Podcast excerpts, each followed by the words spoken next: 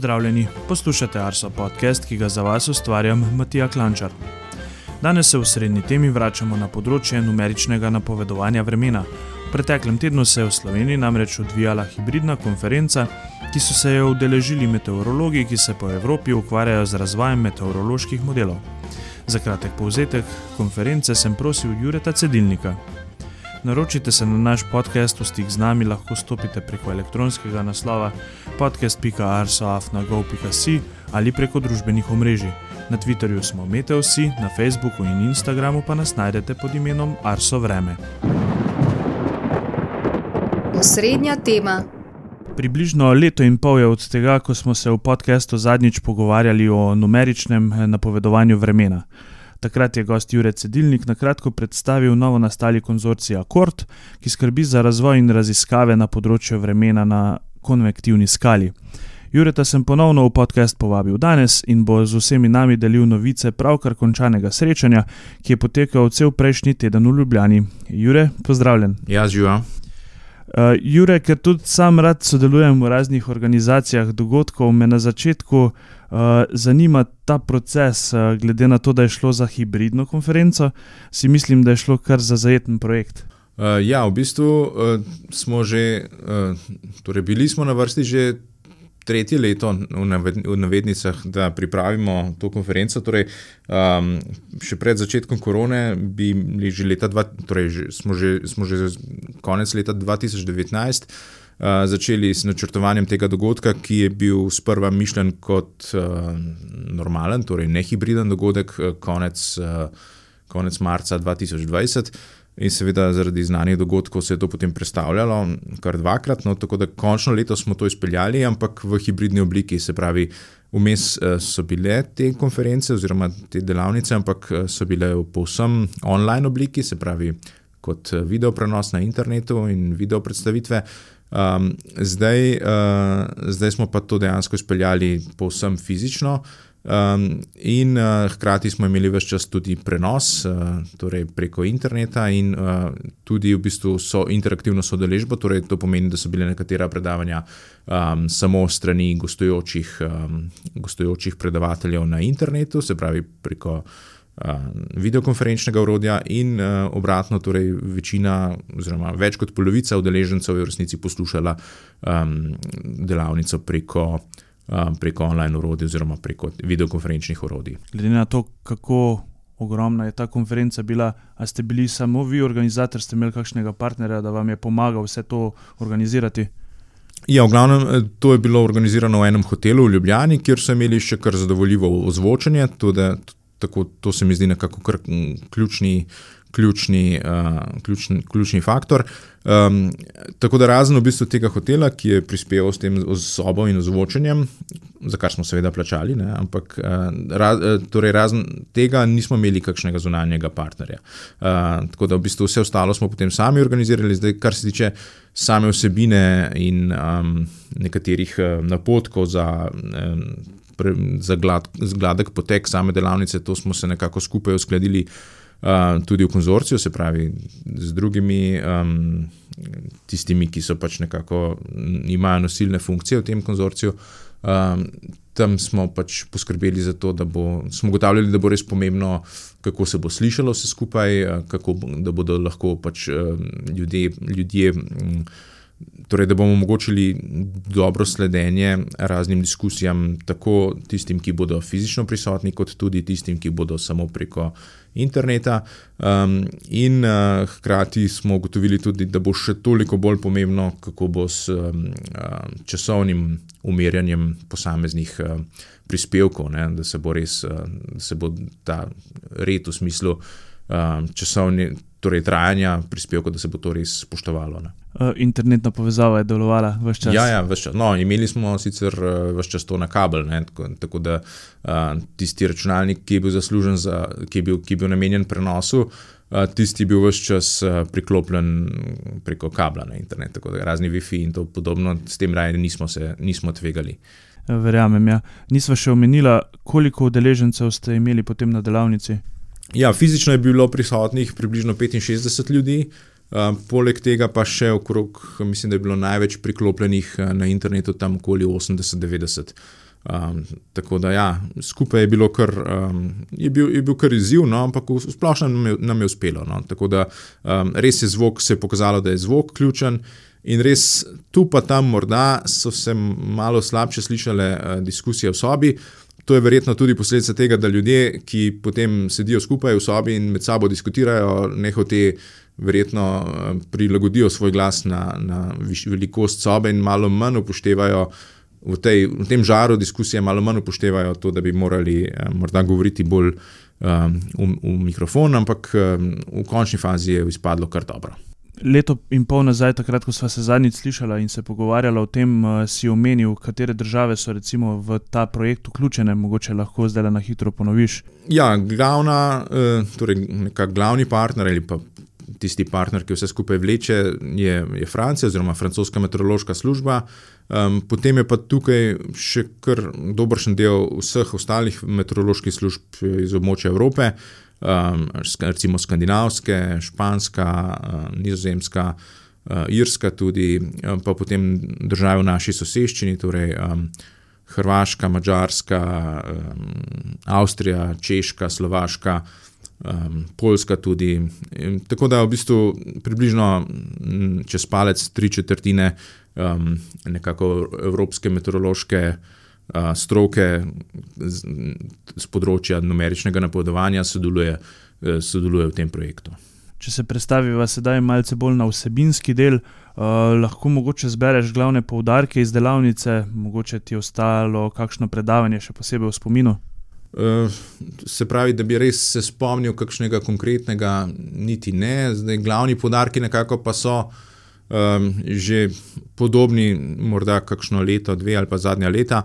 Uh, se pravi, veliko se dela na tem, da se bo vso to programsko kodo uh, prilagodilo temu, da, bodo, um, da, bo, da bo vse skupaj teklo tudi na grafičnih procesorjih, se pravi na za, za tiste, ki se ukvarjajo z Bitcoini, zelo popularnih uh, grafičnih karticah. Um, to so pač res učinkovite, učinkoviti procesori, ki pa zahtevajo precej um, predelave na ravni uh, kode, programske kode, sploh če to gre za neko kodo, ki je v resnici.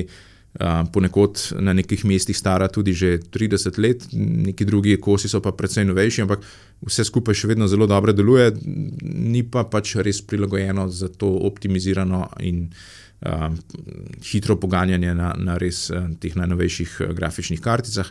Tako da tukaj je zdaj glavni podarek uh, na tem, um, kaj se dela, in, in tukaj bomo prihodnje tudi verjetno naše delo, oziroma naš del, torej naš prino, doprinos, moral biti.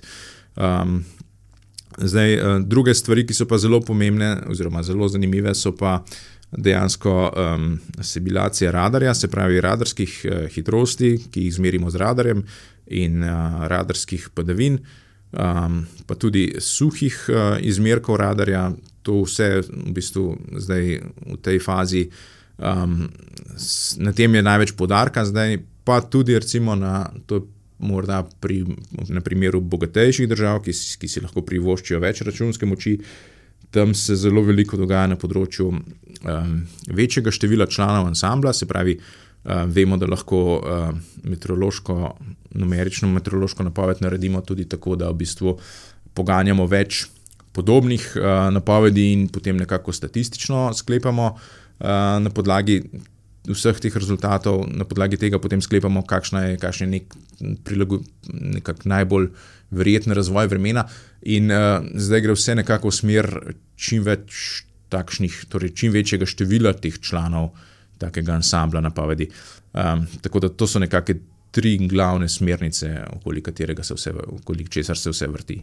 Ja, zelo zanimivo. Uh, mogoče še zdaj le predstaviš, kakšni so bili uh, naši slovenski prispevki na tej konferenci? Ja, največ, torej najbolj bi vzpostavil um, kolega Benedikta Strajnerja, ki je imel v bistvu tako pregledno predavanje o asimilaciji podatkov. Uh, torej, on tudi vodi eno tako uh, ožjo skupino znotraj tega konzorcija, ki je namenjena podatkovni asimilaciji, se pravi, kako čim več uh, in čim bolje uporabiti meritve, ki jih imamo, sprotne meritve v realnem času, da vstopajo v začetni, torej začetni proces tega modela, se pravi začetni proces numeričnega napovedovanja vremena. Um, to v resnici um, morda na hitro se sliši še kar um, enostavno, ampak v resnici je tukaj precej um, podrobnosti, ki potem um, zakomplicirajo stvari še dodatno. Um, vse splošno pa pač, um, ja, to to poteka zelo dobro in Beni, Benedikt v bistvu on, um, ima pregled nad tem delom. Uh, nad tem delom, tem konzorcijem, in v bistvu skrbi za koordinacijo, za ožjo in za širšo koordinacijo znotraj tega konzorcija. Tako da to je bilo nekako glavni glavn prispevek, ki smo ga imeli na, na, tem, na tej delavnici. Če se ne motim, mislim, da so še um, na spletni strani od projekta Akord na voljo v bistvu tudi eh, prezentacije in pa celo uh, mogoče posnetki video predavanj. Tako da, če bi koga želelo izvedeti kaj več na to tematiko, uh, seveda vabljeni bomo v bistvu tudi dodali k podkastu uh, te povezave. Um, zdaj, ko smo se zadnjič uh, pogovarjali, uh, si omenil, da se bo ločljivost našega Aladina povečala. Uh, že imaš kakšne novice, kako ste uspešni pri vključevanju uh, novosti? Ja, uh, smo v bistvu nedavno smo začeli z operativnim pogajanjem kilometrske ločljivosti. Sicer gre za manjšo domeno, in čisto, torej, na ven še niso čisto odprti vsi rezultati, malo še, še pregledujemo, ampak v smislu operativnosti na se pravi, operativnosti in poganjanja na superračunalniku, to se že dogaja. V bistvu vsak dan, vsako uro se poganjajo napovedi 36 ur naprej, um, in vse čas uh, se sproti asimilirajo podatki. Tudi radarja, sicer ne hitrosti, ampak zaenkrat samo reflektivnosti, se pravi odbojev zaradi padavin. Uh, in to je v bistvu kar tak preskok, čakamo na to, kako, bo, kako se bo to obneslo zdaj le v uh, v času nevihne sezone, ki se bliža, in tukaj v bistvu vidimo, vidimo re, resen preskok naprej, no, da se bo to. Da bo to uporabno. Mogoče še malce pogled v prihodnost, kakšne dejavnosti vas v okviru uh, združenja Kort čakajo v prihodnje? Ja, kot že omenjeno, no, največji, največji preskok bo, bo ta uporaba procesorjev nove generacije, se pravi, zaenkrat je videti, da bodo to predvsem um, te grafične kartice, se pravi, uh, grafični procesori, pri čemer pa ni čisto. Um, Torej, lahko da bo tu, pač, uh, prišla zraven tudi še kakšna nova tehnologija, v smislu, um, bodi si kakšnih uh, novih vektorskih kartic ali pa celo uh, kakšnih ARM procesorjev. O tem se še ne, se še ne ve čisto dobro, ampak uh, To je morda vseeno ni za čisto najkrajši, najkrajši rok, um, v najkrajšem tem času pa nas čaka torej, um, dokončna uporaba še potem tudi um, drugih podatkov iz radarja, se pravi hitrosti, uh, radijalnih hitrosti um, in pa um, potem uh, pač razvoj v smislu um, ansambla, se pravi um, vsaj testno poganjanje verjetno na kakšni drugi računalniški infrastrukturi, ne čisto pri nas v hiši, vsaj dokler si ne bomo pomogli, kar se tega tiče, um, v smislu um, poganjanja večjih članov ansambla in posledično izdelave neke. Um, Torej, neke take uh, verjetnostne napovedi v smislu um, uh, ansambelskega sistema. Jure, najlepša hvala za tale povzetek konference, uh, ko bo pa kakšen preboj tudi na numeričnem področju, pa se znova slišiva. Ja, hvala. Obeti. Kakšno vreme bo spremljalo velikonočne praznike, vam bo predstavil Brane Gregorčič.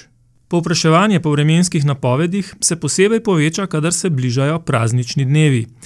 Po ohladitvi, ki smo jo bili deležni minuli konec tedna, se ozračje nad Slovenijo v tem tednu iz dneva v dan segreva. To bo trajalo vse do velikega petka, torej 15. aprila. V petek lahko pričakujemo najvišje dnevne temperature med 20 in 25 stopinj. Na to pa nas bo že zvečer in v noči na soboto prešla hladna fronta z nekaj dežja. V soboto kaže na spremenljivo oblačno vreme, v notranjosti Slovenije bo tu in tam možna kakšna kratkotrajna ploha. Pihal bo severovzhodni veter na primorskem burja. Več sončnega vremena lahko pričakujemo v nedeljo in v ponedeljek. Zaradi jasnih noči bodo jutra sveža, v mraziščih bo možna celo slana.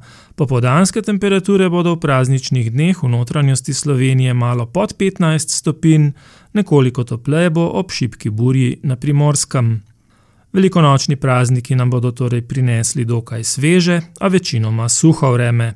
Suho vreme se bo predvidoma nadaljevalo do sredine prihodnjega tedna, na to pa večina izračunov napoveduje spremembo in novo pošiljko dežja. Vremenske zanimivosti. Za nami je že prva dekada aprila, v vremenskih zanimivostih pa se bomo danes ozrli nazaj v mesec marec. Najvišjo temperaturo smo izmerili 24. marca 25,2 stopinji Celzija na postaji Dobliče pri Črnomlju. Najnižja temperatura prejšnji mesec je bila zabeležena na naši najvišji postaji Kredarica, minus 18,2 stopinji Celzija 8. marca. Prav tako smo na Kredarici izmerili najhitrejši sunek vetra. 15. marca je pihalo s hitrostjo 150 km/h. Padavin cel mesec ni bilo veliko, največji padavinski dogodek pa ravno zadnji dan meseca marca. Na Sviščakih smo tokrat izmerili največjo dnevno količino padavin in sicer 44 mm. Še podatki o najbolj sončnih postajah.